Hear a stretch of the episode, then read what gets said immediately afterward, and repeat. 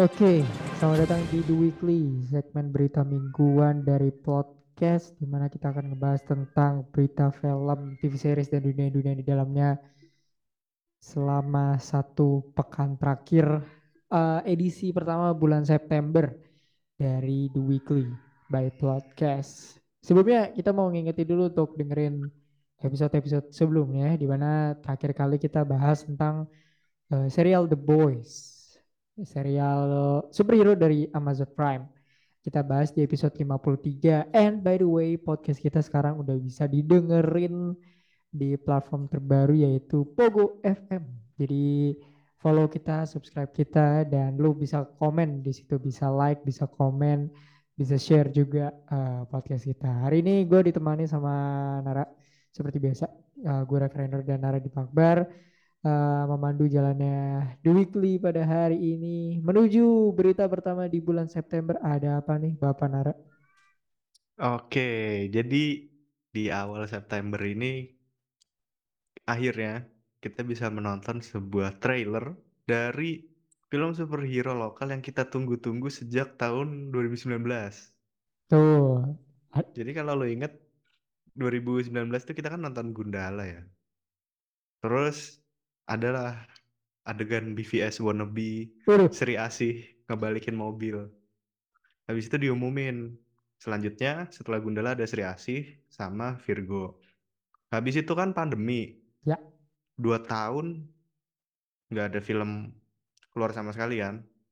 Akhirnya barulah kemarin teaser terus habis itu trailernya Sri Asih muncul dan gila sih. Menurut gua ini keren loh. Menurut lu keren gak sih melihat trailer Sri Asih yang apa ya istilahnya secara CGI-nya juga oke, adegan berantemnya oke dan tone-nya tuh mirip-mirip kayak Gundala sih. Kayaknya Iya iya iya betul. dia kayak gelap-gelap gitu sih. Betul betul. Ya nggak nggak segelap DC Universe ya. Cuman Mm-mm. uh, gua nonton trailernya pas itu tuh ada narpas cuplikan-cuplikan trailernya ada di sebelum filmnya Mencuri Raden Saleh itu kan suka ada trailer-trailer film Oh kan? ya betul. itu ada di di situ cuman gua nggak nonton full ya. Gue cuma nonton di ya dua per tiga dari trailernya. Tapi looking good ya terutama di bagian final part of the trailer lah itu udah pasti gue rasa. Dan secara action scene-nya kita udah ngeliat lah Pevita Pierce selama dia kampanyekan film Sri Asih ini dia udah latihan bela diri ya dan segala macam bahkan dia sempat muncul di salah satu iklannya Gojek kalau gue nggak salah. Dia juga uh, doing some uh, bela diri things. Jadi menurut gue uh, apakah kalau ditanya looking good good lah.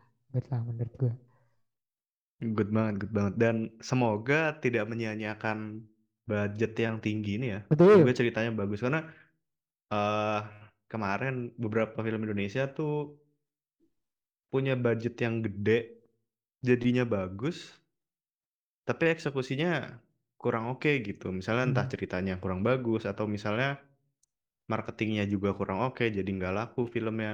Gue harap mereka tidak melakukan kesalahan yang sama sih. Ngomong-ngomong soal Sri Asih, di sini ditunjukin mulai rame ya, ada Jeffrey Nicole di sini. yo iya. Dan rumor-rumornya dia akan menjadi Sembrani. oh Karena eh, kan namanya Tangguh. Kalau di komik Tangguh itu dia Sembrani. Kalau nggak salah ya, jadi kor- koreksi gue kalau salah. Cuma rumor-rumornya dia akan menjadi Sembrani di sini. Terus juga kita bisa ngeliat di Sri Asih ada Reza Rahadian betul sekali dan kembalinya Gazul dari film sebelumnya di Gundala, dia sekarang ada lagi. Dan lawannya Dokter Setan. Yang topengnya kayak ini ya. Kayak Dokter Fate. Tapi ya memang begitu sih. yo Memang iya memang desainnya lah gitu. Betul. Tapi menurut gua keren sih. Lu ngelihat trailernya kan ada adegan mereka fight gitu yang ada Hmm, hmm. asap-asap hitamnya. Menurut Yap. gua keren loh. Kayak ini fight scene-nya Venom. Gak ah sih? Yang oh iya dari iya atas terus jatuh ke bawah gitu. yep yep yep Menurut gua keren loh. Iya, tapi kan itu trailer ya. Mudah-mudahan di filmnya juga uh, dieksekusi dengan sama baiknya. Reza Rahardian nanti jadi apa ya? Nah itu masih banyak misterinya ya. Karena di trailer kita ngelihat dia jadi kayak detek- detektif gitu. Entah Hmm, nanti perannya jadi apa. mungkin akan menjadi kejutan mungkin. Yap, yap, Jadi kita yap. tunggu aja.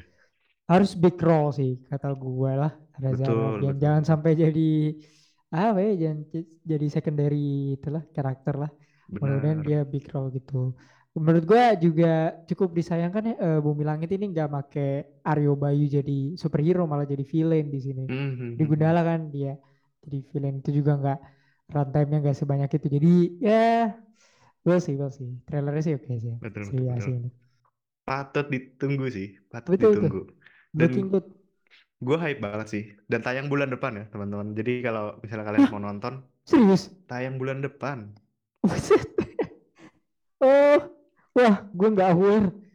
Oke, oke. Bulan depan tuh lawannya siapa ya? Bulan depan eh, Black Panther ya? Bulan depan eh, enggak ada ya Black Panther Lawannya tuh November. Black Adam.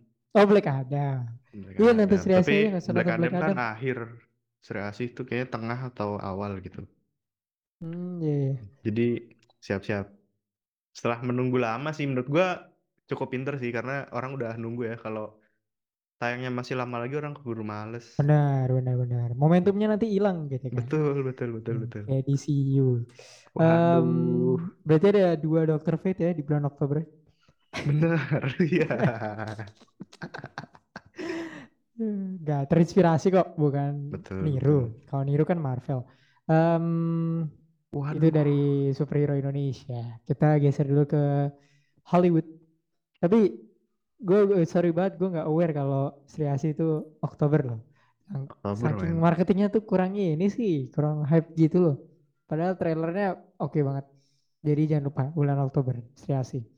Em, ada juga dari berita tentang ini serial yang menurut gue di Indonesia tuh eh, hype-nya cukup orang-orang tertentu doang, Nar. Tapi di Amerika ini tinggi banget. gede banget, meledak banget. House of the Dragon, prequel dari Game of Thrones ini resmi lanjut ke season kedua. Ya iyalah, eh, receptionnya bagus, udah pasti lanjut ke season 2. Ini House of the Dragon ini reviewnya positif banget. Setiap episode penayangan ini, itu tuh eh ratingnya tinggi banget di, di HBO Max kalau gue nggak salah. gue dapet beberapa datanya dari eh, beberapa Instagram film gitu ya di Amerika. Itu House of the Dragon selalu memuncaki setiap episodenya tuh beberapa rating di HBO Max. Misalnya kayak eh, best episode of the week pasti selalu sih House of the Dragon ini prequelnya Game of Thrones gitu. Ini lanjut ke eh, season kedua. Lu lu Betul, betul, udah betul. nonton atau belum? Gue sih akan menonton sepertinya karena ini kan prequel kan, nggak akan masuk ke Game of Thrones-nya banget. Jadi gue kayaknya akan nonton. Udah selesai soal. Jadi eh, ngomongin soal House of the Dragon, melihat kayak kualitasnya oke banget, jadi mungkin gue bisa nonton. Cuman tidak dalam waktu dekat karena untuk langganan platform streaming di saat bersamaan ya. Dan gue juga ag- lagi lumayan sibuk ya karena semester akhir juga. Jadi takut langganan terus nggak ditonton kan sayang. Jadi Benar gue sih, nunggu agak slow sih. Oke oke. Gue sih niatnya eh, secepat mungkin ya karena katanya se bukan sebagus itu sih, cuman sesuai dengan kenapa setiap episodenya jadi top rated eh, series of the week gitu. Jadi gue akan mencoba nonton karena kan ini prequel ya. Kalau Game of Thrones kan 8 season. Betul, Jadi lu lama betul. dong, mulai Banyak lagi dari awal. Jadi eh, kalau lu mau, kalau lu nggak sempat dapet hype-nya Game of Thrones tuh tahun 2017, 18, 19, lu coba nonton House of the Dragon. Nah, sepertinya bagus, sepertinya. Eh, lalu ada lagi yang eh, model-model yang sama nih ya, eh, serialnya. Ini juga besar sekali di beberapa negara barat deh. Yaitu adalah eh, spin-off-nya Lord of the Rings, Rings of Power. Ini tayangnya di Amazon Prime. Speaking of Amazon Prime, Amazon Prime di Indonesia udah punya akun sosmednya di Twitter sama di Instagram. Eh, kemarin pas House of eh sorry kemarin pas Rings of Power ini gala premier di Singapura itu Amazon Prime bawa banyak influencers Indonesia ke sana kayak Chandra Liao kalau gue nggak salah terus ada who else ya Jerome Pauline terus ada Arif Muhammad jadi eh, sepertinya serial ini punya hype tersendiri lo Betul, sendiri betul. gua yang gua tahu lu mengikuti Lord of the Rings kan. Gue ngikutin, Um, gue ngikutin. ya, what do you think of Rings of Power? Gue hype sih, gue pengen banget nonton gitu. Oke. Cuma karena kesibukan jadi belum sempet. Dan Tapi gue akan Prime nonton juga. karena, iya, gue akan nonton karena gue udah nonton Lord of the Ring Yep. trilogy dan The Hobbit trilogy juga. Wih. Jadi ya alasan gue untuk menonton semakin kuat gitu. Cuma memang eh ini ya platform streaming mahal ini keren juga. Karena gue denger-denger salah satu apa ya? Ini adalah salah satu series yang budgetnya tuh gede banget. Hmm, Ya lu setuju. bisa lihat lah dari kualitasnya kayak gimana. Ini series Betul. yang budgetnya gede banget. Jadi gua akan menonton sih dan wajar kenapa dia munculnya di platform streaming mahal macam Amazon Prime. Jadi gua akan tonton sih. Amazon Prime akhir-akhir ini lagi gila-gila juga ya Iya, serial-serialnya. benar banget. Berusaha untuk tidak bergantung kepada The Boys. Eh, Betul, jadi betul. mereka bikin ini baru. Cuman kalau lu lihat trailernya Rings of Power sekitar bulan Juli kemarin tuh kelihatan banget kualitasnya. Gila ya. Kelihatan banget. Eh, gokil banget. Em, speaking of Lord of the Rings, gue belum nonton by the way. Eh, iya sama lah kayak Nara belum nonton Harry Potter, gue belum nonton Lord of the Rings. Em, kita ke balik lagi, kita balik lagi. Itu kan tadi dua serial yang sangat hype di Amerika dan di dunia-dunia barat ya. Ada House of the Dragon, ada Rings of Power, dua apa ya, dua serial mungkin bagi fans-fans se apa ya penonton-penonton seusia kita tuh nggak begitu menarik Hmm. gitu. Coba Lord of the Ring di kalangan bapak-bapak, ibu-ibu dong, tuh udah seneng banget pasti, men. udah pasti. Karena kan Tontonan masa muda mereka. bener bener. Makanya kan gue bilang kayaknya penonton zaman sekarang tuh nggak nggak investing waktunya ke ke serial seperti ini gitu. Cuman House of the Dragon again rame banget, Rings of Power juga rame banget. Jadi sepertinya ini dua serial yang cukup meledak ya, Eh, terutama House of the Dragon di bulan Agustus kemarin. Eh, banyak banget referensi-referensinya di Twitter gue nggak ngerti lagi karena gue nggak nonton Game of Thrones juga gitu jadi gitulah Em, dari satu ke yang lainnya gitu ya. Kita balik ke superhero. Jadi eh, ini ada berita ini sebenarnya berita Agustus kemarin tapi nggak apa-apa kita masukin. Agustus akhir sih. Eh, jadi ada sebuah pengumuman dari Warner Bros. Betul. ini pengumuman mengundur jadwal. Mengundur. Eh enggak tapi ini jauh banget gue kasih tau ya. Jadi Sumpah jauh, yang jauh paling parah. deket itu seharusnya kan Shazam uh, Fury of. Gods harusnya tayang di Desember, Desember. 2022 ini diundur dari Maret 2023 oke gitu gue berpikir oke lah nggak apa-apa mundur gitu nah ini satu lagi jadi ada dua film yang diundur ada Shazam tadi gue bilang diundur dari Desember 2022 ke Maret 2023 sama eh, yang menurut gue sama Nara itu cukup kita tunggu adalah Aquaman The Lost Kingdom. Jadwal awalnya adalah Maret 2023, diundur jadi 25 Desember 20, 2023. Ya. Aduh, Ini gimana ya? Kita sebagai 9 orang bulan. yang orang yang suka DC tuh mau menikmati jadi maju mundur juga nih. Hmm. Di CEO bingung. Cuma kalau soal Shazam gue mungkin masih bisa nerima karena melihat Desember tuh ada Avatar 2 ya kalau nggak salah. Hmm, betul. Dan beberapa film-film bagus lainnya kemungkinan untuk kalah saingnya tuh lumayan besar. Jadi mungkin dia nggak mau untuk mengambil resiko jadi diundur. Tapi ini loh Aquaman ini diundurnya kelamaan ini. Ini nggak 9 bener. bulan bro, gila 9 loh. bulan men. 3 bulan deh, Dari apa-apa deh. awal awal tahun sampai diundurnya ke akhir tahun banget. Iya gitu. Ya, gimana ya maksudnya ini kan masih satu tahun lebih ya. Takutnya eh, hype-nya turun sih. Cuman kemarin Aquaman sempet rame ya di pertengahan menuju akhir Agustus di mana Iya. rupa-rupanya di setnya Aquaman ini ada Ben Affleck. Wah Waduh. iya. Udah udah sempat kita bahas juga di di The Weekly yang edisi Di terakhir ya di. Agustus heeh. kemarin ya. Kita ngomongin DC sama Marvel di situ. Eh sempat ada Ben Affleck. Menurut lu pengunduran ini tuh berhubungan gak dengan apa yang terjadi di belakang layar gitu? Karena The Flash nggak mundur sih, alhamdulillahnya. ya. hmm, mungkin ya, mungkin mungkin. Karena kan Aquaman 2 ini dirancang sebelum merger gak sih? Iya. Iya kan? Sebelum merger mereka udah dirancang, terus pas merger kan banyak banget tuh perubahan. Batgirl batal tayang, terus film-filmnya diundur, termasuk Aquaman ini. Jadi mungkin bisa jadi ada banyak perubahan yang akan terjadi gitu. Mungkin ya. Apakah mereka akan kembali? Kita tunggu aja sih. Tapi gimana ya, gue tuh masalahnya udah di fase yang mana gue udah gue udah mengikhlaskan visinya Snyder nggak jalan gitu loh. Karena udah berantakan banget kan kemarin. Ya, Terus tiba-tiba kalau mau dikembaliin, gue ngerti mau dibawa ke arah mana. Ya, kita serahkan aja ya Nar ya ke orang-orang yang berkepentingan di Sony. Jadi ya udahlah mau gimana. Cuman cukup jauh sih menurut gue ya. Uh, diundur dari Maret ke Desember apalagi lima tahun lalu aku main tuh film yang bagus secara visual. Jadi sayang kalau dimundurin sampai Desember gitu ya. Entahlah uh, mencari apa mungkin CGI-nya belum siap kali ya uh, di Maret karena kan emang Aquaman ini spesial banget lah uh, filmnya. Mudah-mudahan nggak begitu lama ya.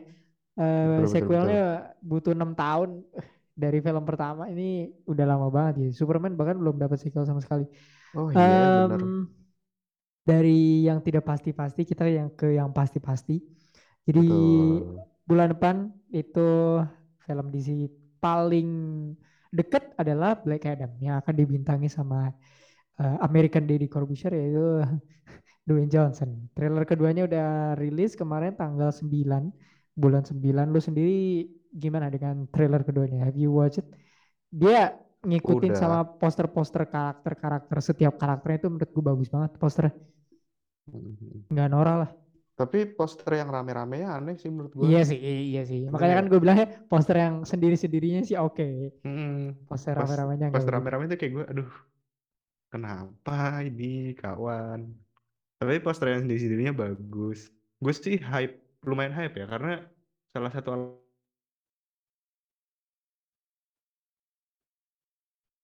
Fate. Karena kalau lu main Injustice tuh satisfying loh Dokter Fate tuh pakainya. Yang tanda-tanda apa pakai tangan tuh. Menurut gua keren gitu. Jadi gue pengen nonton sih. Setelah mungkin nonton Dokter Setan di Sri Asih gue mau nonton Dokter Fate. Iya iya kan gue bilang ada dua dua Dokter Fate iya. di bulan Oktober ya. Oh iya dan ini sih gue juga suka dengan karakter-karakter lain kayak uh, apa yang bisa terbang? Gue lupa namanya. Hawkman Hawkman. Ah ya Hawkman. Karena terakhir nonton Hawkman live action tuh di The Flash deh kalau nggak salah. Itu pun hmm. kayak cuma sebentaran doang lah. Jadi gue pengen lihat Hawkman lagi. Hawkman tuh kalau di komik atau di animasinya tuh keren banget loh. Jadi gue pengen lihat sih dia bakal keren apa di film ini nanti Betul, betul. Jadi di poster personalize-nya tuh ada Dr. Fate, ada Black Adam, ada Hawkman, ada Cylone, sama ada Atom Smasher. Oktober 21, ya. Uh, masih lama, tenang aja. Masih ada sekitar 40 hari lagi untuk menonton film DC yang paling dekat ya untuk ditonton. Jadi lu nonton dulu trailer keduanya karena ada sesosok wanita yang kembali ya yaitu adalah uh, siapa namanya si Amanda Waller gitu dia. Saya cukup terkejut ya beliau ada di ada aja gitu di sini gitu. Tapi ya uh, ini menandakan filmnya bagus karena kalau ada uh, Amanda Waller biasanya filmnya bagus gitu kan. Suicide mm -hmm. Squad juga bagus kok. Yang terakhir ya, bukan yang oh, 2016. Yeah. Um, dari satu studio ke studio lainnya. Jadi uh, Marvel ini terutama MCU ya. Ini geraknya nggak begitu inilah ya di bulan ini. Kemarin itu She-Hulk yang pasti lagi tayang ya. Sejauh ini masih uh, episode ke ini pekan ke episode, episode keempat. Keempat. Tahu gue ya. Uh, She-Hulk dan ya banyak sekali yang terjadi. Meme-meme yang keluar ya biasa lah. Serial Marvel tuh kan selalu uh, menarik menjadi daya tarik untuk membuat meme. Tapi ada juga film yang dirilis ulang di tanggal 31 kemarin. Aduh. Di mana gue gue gue mengunjungi bioskop tertentu itu nggak ada film ini sih, alhamdulillahnya ya. Tapi di luar negeri ini film dirilis ulang yaitu adalah Spider-Man No Way Home ya. Eh, ada lagi subtitlenya dikit yaitu adalah eh, apa ya? eh few more things, happy things itulah pokoknya. Eh, mereka merilis ulang dengan beberapa tambahan-tambahan klip yang gua melihat di sosial media. Sepertinya tidak berpengaruh berpengaruh amat ya. Eh, dari lu gimana Nar? Melihat Hmm. eh rilis ulangnya Spider-Man No Way Home ini jadi nambah sekitar berapa menit gitu. Lumayan lama sih. Tapi ketika ngeliat tambahan klipnya kayak filler kalau di anime gitu. Iya, gue tuh nggak tertarik buat nonton soalnya. Karena gue kan baca-baca review, terus baca-baca komentar orang di sosial media, mereka bilang tambahan klipnya nggak terlalu berpengaruh sama cerita di filmnya gitu. Maksud gue, kayak lu pernah nonton ini gak sih? Extended cut yang beda banget sama apa yang ada di bioskop. Nah Mhm. itu kan beda banget. Misal, eh, apalah lu bisa kasih contoh macam-macam. Cuma ini tuh ya udah gitu kayak tambahan-tambahan scene yang sebenarnya bikin film mungkin lebih lucu, mungkin eh, nunjukin sisi-sisi lain, tapi nggak berpengaruh banyak gitu loh di cerita. Jadi ya dia mah cari duit sih menurut gua. Dan apa ya, gue bingungnya kenapa dirilis di bioskop di saat lu punya pilihan untuk ngasih extended cut itu di Blu-ray gitu loh. Cuma ya nggak Tuh. masalah sih, hak mereka juga. Cuma lucu aja. Cuman eh, by the way ini kita rekaman di tanggal 10. Ketika kita lagi rekaman ini lagi pekan-pekannya di 23 Expo. Eh, salah satu pamerannya Disney lah yang besar. Nah, karena kita rekamannya di hari Sabtu, berarti ini masih ada satu hari lagi yang mungkin kita gak akan ngasih tahu di podcast ini ya. Kita akan ngeluarin beberapa news di Instagram kita podcast underscore ID. Tapi ada beberapa keluar beberapa film dan animasi dari Disney termasuk Pixar. Ada Inside Out 2. Menurut gue nggak perlu ya. Cuman kan si Riley-nya udah semakin besar jadi mungkin eh, emosinya sebagai remaja tuh akan dikulik di film Inside Out 2. Terus ada film Hocus Pocus 2. Bahkan film pertamanya gue nggak tahu modelnya kayak gimana. Terus ada Peter Pan and Wendy. eh, akan tayang di Disney Plus. Kenapa nggak tayang di bioskop ya? Terus ada Disenchanted. Ini gue tahu nih film pertamanya. Eh, ini yang main Amy Adams. Eh, juga tayang di Disney Plus. Kenapa nggak tayang di eh, bioskop ya? Terus Oh ada iya. lagi Haunted Mansion ya, ini masih produksi. Mhm. Terus ada Snow White yang dibintangi oleh Gal Gadot tahun 2024. Lalu ada Wah, Mufasa. Ini Mufasa ini prequelnya live actionnya Lion King nar yang agak aneh itu. iya. nggak Yang tahu lu kenapa kayak nih. nonton National Geographic tapi bisa ngomong gitu. Gue nggak tahu lagi. Cuman yang yang dapat respon positif ya dari hal-hal yang dirilis di di 23 Expo ini adalah trailernya The Little Mermaid. Ya short short Betul. trailer gitu sih. Cuman kesannya lautnya gelap ya kayak di bahkan lebih terang Atlantis di Aquaman gitu. Iya bener bener bener. Gelap banget. Gelap banget ini. Rock bottom. Iya. Padahal kan kalau di animasi terang benderang gitu ya. Mm-mm. Jadi ya itu ya eh, beberapa berita ya. Ada Betul betul betul. film-film yang akan keluar ya di tahun ini ada eh di- sorry ya di tahun ini ada Disenchanted terus ada Peter Pan and Wendy ada Hocus Pocus 2 dan ada The Little Mermaid ini The Little Mermaid masih tahun depan ya Mei 2023 sama Hmm. Inside Out 2 tahun 2024 summer lagi Pasti ini lama-lama pas lah. pas pemilu lah ini Inside Out 2 Waduh. sama sebelum kita mengakhiri ke uh, berita lain nih masih dari Disney dan Pixar ini animasinya nih. Ada animasi Amber and Wade in Elemental in theaters. Ini animasi ini dari sedikit still foto dan trailernya sih air dan api ya. Ini Shark Boy Oh Lava iya. Girl apa gimana nggak tahu. Waduh. Lalu ada serial animasi nih, menurut gue ini sepertinya bagus ya. Ini bercerita tentang sebuah grup baseball kecil gitu, yaitu Win or Lose tahun 2023 sama Intergalactic Film. Animasi juga ini keren nih kayaknya. Elio judulnya. Ini tahun 2024 masih lama banget sih. Cuman itu sih dari animated series dan film dari Disney Pixar. Sepertinya seru ya, sepertinya seru. Oke, itu dari Disney Pixar ya. Uh, lo ada komentar mungkin sedikit? Snow, Eh, Snow White yang Gal Gadot gue ngeliat ya Disney Pixar lagi gencar banget ya buat ngeluarin film-film dan animasi-animasi mereka walaupun setengahnya apa ya memeras film-film besar kayak Mufasa itu kan Hmm. ya lu tau lah kelakuan Disney yang dia lakukan kepada Star Wars juga. Jadi nggak kaget.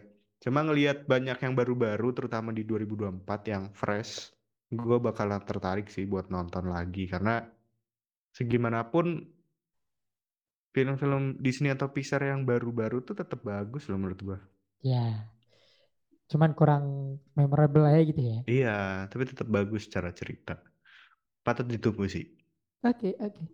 Ini banyak film-film apa ya, princess dulu yang udah mulai di live actionin sih oke sih.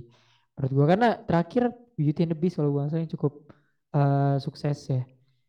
Itu kan bagus kan? Menurut bagus gua kenapa nggak nggak nggak bikin terus yang model seperti itu gitu loh. Mm-mm. eh sorry ini gue koreksi ya. Snow White itu starring Rachel Zegler sebagai Snow White ya. Gal Gadotnya jadi evil queen ya. Yang Hmm. jualan apel lah dia. Cocok lah. Dia jadi Wonder Woman gak pasti kan. iya Em, Oke kita lanjut kita kita lanjut kita lanjut. Kita ke eh, eh, eh, ini Tom Cruise Universe ya. Mission Impossible. Waduh, ini gue gak tahu ini Mission Impossible ke berapa? 8 kalau nggak salah, 9. Ini Delapan apa ya? 9 deh kayak kemarin kan MI8. Oh iya deng. Ini kayaknya mau bikin ini mau bikin tandingan Fast and Furious sih sampai 10 sih. Kata gue ini yang terakhir. Death Reckoning ini yang terakhir sebenarnya. dan ini ada part 1, part 2 gitu loh. Aduh. Iya, kalau biasanya kalau ada part 1 part 2-nya harusnya ini installment terakhir dari franchise ini sih. Nah, Ah, Mission Impossible judulnya Death Reckoning udah ada teasernya ya. Bulan Juli betul. 2023. Gimana Nar? Ini Mission Impossible ke-9. Kelihatannya menarik ya. Karena melihat apa ya? Ini sebuah franchise besar dari tahun 96 50-an. kalau nggak Iya. salah. Ya, tahun 90-an. Gue tetap bakal nonton sih. Apalagi dengan keadaan Tom Cruise yang udah tua banget, men. Dan dia tetap main film action gila-gilaan tuh kayak seru sih kelihatnya. Benar, stuntman-nya Dan dia sendiri, dia nggak pakai stuntman. betul, dan actionnya juga masih keren, jadi gue bakalan tetap nonton sih. Jadi, hmm, gue bakal nonton kemungkinan. Oke, Jadi, oke. oh ya, gue habis baca juga di sini, ini bakal jadi final installmentnya juga sih. Jadi kemungkinan ini bakal jadi yang terakhir. Yap, yap. Iyalah, udah udah 9 10 tuh biasanya udah terakhir kan. Harusnya lu kayak udah.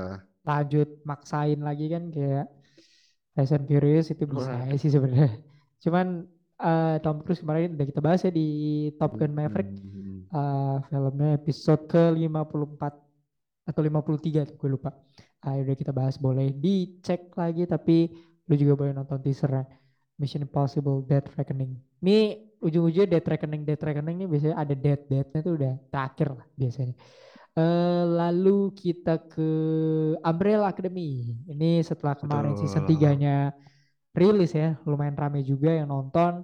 Lanjut ke season 4 sekaligus menjadi season finale dari installment serial Umbrella Academy yang tayang di Netflix. Lu udah nonton season 3-nya? Gue sempat kemarin diskusi sama beberapa teman gue yang menyarankan gue sejujur-jujurnya untuk menonton Umbrella Academy. Gue sih belum tergerak ya hati gue untuk menonton ini, tapi beberapa teman-teman gue tuh me- apa ya merekomendasikan gue untuk menonton ini sebenarnya. Betul, betul, betul, betul. Dan ini ya, jadi selingan juga kalau lagi bosen sama serial MCU atau DC. Jadi mm, kalian bisa nonton juga. Betul tuh. Eh, season 4 ya. Lu bisa nonton di Betul. Netflix. Tapi lu udah nonton belum season 3-nya? Gue belum Belum ya? nonton kebetulan. Tapi dengan hanya sampai 4 season menurut gue cukup bagus sih. Daripada belasan season atau 9 season seperti serial dari apa franchise kesukaan kita, The Flash. Jadi Gue kira lu mau ngomong Walking Dead ternyata oh enggak, Walking Dead juga kan malah bikin prequel apa ya kalau gua nggak salah. Ini makin banyak aja jadinya. Jadi daripada kebanyakan bikin orang bingung, Hmm. ya mending ini bener 4 season. Oke, itu dari segala macam per Hollywoodan ya. Tadi betul. kita udah ngomongin tentang House of the Dragon yang masih tayang sekarang lu boleh nonton ya di HBO Max. Rings of Power juga masih tayang, lu Di harus nonton di Amazon Prime. Eh, lalu ada di MCU ada She-Hulk ya eh, di Disney betul. Plus masih. Ini tiga series yang gue bilang ini masih jalan maksimal 4 episode. Jadi lu langsung nonton deh tiga-tiganya ya. House of Dragon, Rings of Power dan She-Hulk ya. Agak timpang sih, tapi ya oke lah. Terus kita ngomongin tentang DC tadi ya, pengunduran jadwal dan trailer Black Adam. Lalu ada Spider-Man No Way Home dan D23 Expo dengan rilisan film-film di Disney. Eh, lalu ada Mission Impossible dan Umbrella Academy. Terakhir, ini ada pengumuman penting ya dari Netflix Indonesia yang gue yakin lo yang follow Twitter dan Instagram Netflix pasti udah tahu ini ya akan ada tujuh upcoming film Indonesia yang akan tayang di Netflix. Ini kayak Netflix original gitu ya, kayaknya gitu. Jadi ya ada tujuh film Indonesia upcoming yang akan tayang di Betul Netflix. betul. Gue gak tahu uh, jadwal-jadwalnya masing-masing, tapi gue bacain aja tujuh judul film yang akan tayang. Ada The Big Four, uh, ada Gadis Kretek, Dear David, lalu ada Nightmares and Daydreams, ada Komedi Kacau, ada Hari Ini akan kita ceritakan nanti, dan terakhir ada Klub Kecanduan Mantan. Mana film atau yang lo udah tahu? Ketahui beberapa detailsnya gitu. yang cukup gua ketahui itu The Big Four. Yup. Itu ada Abimana, ada Putri Marino, ada Kristo Immanuel juga. Di sini yang didirect sama Timo Cahyanto, jadi cukup menarik. Gue bakalan, mungkin gue bakalan nonton. Terus gue juga tertarik banget sama Nightmares and Daydreams. Karena ini kan buatannya Joko Anwar ya. Betul. Dan ada sedikit sinopsis dari Netflix. Ini tuh serial horror sci-fi. Gila Hmm, men. Jarang-jarang, interesting. ya, jarang-jarang lu dapat film horror sci-fi. Dan film horror sci-fi Indonesia itu jarang. Kemarin tuh terakhir horror sci-fi itu ini ya, Nope ya kalau gua nggak salah. Ya yang sempat yang tayang baru-baru ini ya. Iya, Terus tenggelam di bioskop. tenggelam, tenggelam habis itu. Pokoknya sebentar deh. Itu gua gua mau nonton terus ulang KKN tuh gua cuma dapat beberapa hari doang gitu buat nonton. Habis itu tenggelam filmnya. Terus sama gue pengen nonton ini sih, komedi kacau. Karena gue udah lama banget nggak nonton film Raditya Dika. Hmm, Jadi gue hmm. pengen nonton. Ya apalagi sejak dia punya anak dan menikah ya. Sepertinya udah Iya, cara eh, merambah ke industri film gitu ya. Ya, excited to see lah. betul, betul. By the way, kalau kalian masih tertarik dengan universe NKCTHI ini ada ada hari ini akan kita ceritakan nanti. Ini kalau nggak salah, gue nggak tahu sih ini ini apakah universe-nya NKCTHI apa bukan ya? Tapi dari bau-baunya judulnya tuh Sepertinya, satu satu universe gitu sepertinya. kelihatannya. Mudah-mudahan sih lebih fresh ya bawaannya. Semoga gitu Semoga kan. Seharusnya lebih fresh sih. Cuman ngeliat dari padanan judulnya Oh sih iya, sepertinya lanjutan. jadi di sini ada artikel bilang bahwa ini adalah prequel. Oh, another prequel. Interesting. Kemarin juga prequel kan tuh yang siapa tuh namanya? Oh iya, heeh. Ale itu kan prequel juga. Betul, betul, betul. Ya semoga bagus sih, karena kebanyakan prequel tuh juga nggak sehat ya. Jadi semoga bagus. Betul, betul. Ya ada aja sih. Cuman gue setuju sama lu. Sebenarnya pilihan lu juga sama yang akan gue upcoming to watch ya, terutama The Big Four. Eh, itu akan menjadi debut, bukan debut aktingnya Kristo sih, cuman ini pertama kali dia akan menjadi the main actors gitu dalam sebuah film. Jadi gue cukup menantikan gimana dia akan eh, mainkan partnya bersama beberapa aktris dan aktor besar ya.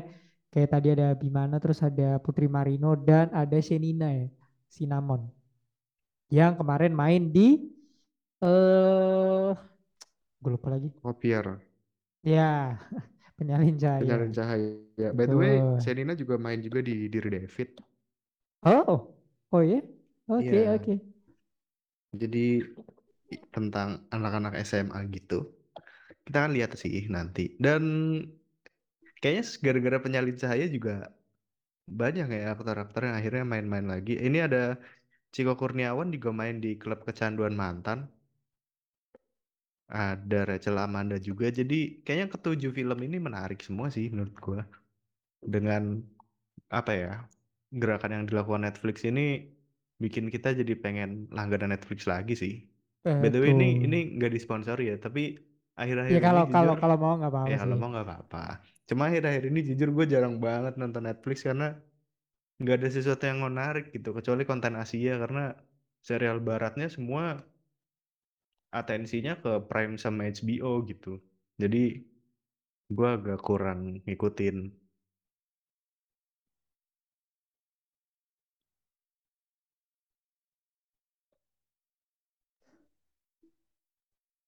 Oke oke, itu sih dari eh Netflix Indonesia. Tujuh loh, tujuh film. Ada Betul. beberapa serial sih ya. eh, claim as serial. Jadi ya tetap menyenangkan lah untuk, untuk ditonton. Ini akan tayang semua tahun ini atau?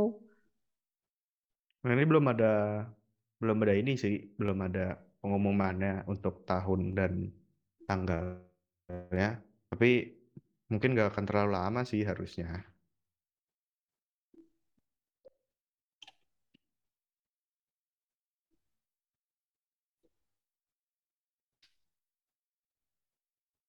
Oke, itu aja sih mungkin dari The Weekly edisi September ya. Tadi kita udah bahas Betul, eh, betul. mungkin menjadi berita tambahan atau berita baru untuk kalian yang dengerin kita. So jangan lupa untuk follow Instagram kita di @podcast underscore ID untuk tahu berita-berita atau hal-hal terbaru dari podcast kita yang juga sekarang bisa Hmm. didengerin di mana Nar? Di Pogo FM, teman-teman. Platform baru. Kalau kalian penasaran, kalian bisa langsung download. Terus dengerin kita di sana. Betul banget. Lo bisa download di App Store dan Play Store. Subscribe kita karena di situ juga bisa komen dan like podcast kita. Kalau lo mau diskusi tentang film. betul. Karena gue sama Nara bukan si paling film lah. Jelas. Oke, sampai ketemu lagi di episode ke 57. Kita akan bahas tentang mencuri. Raden Saleh. Yo, eh, see you guys in next episode. Cheers.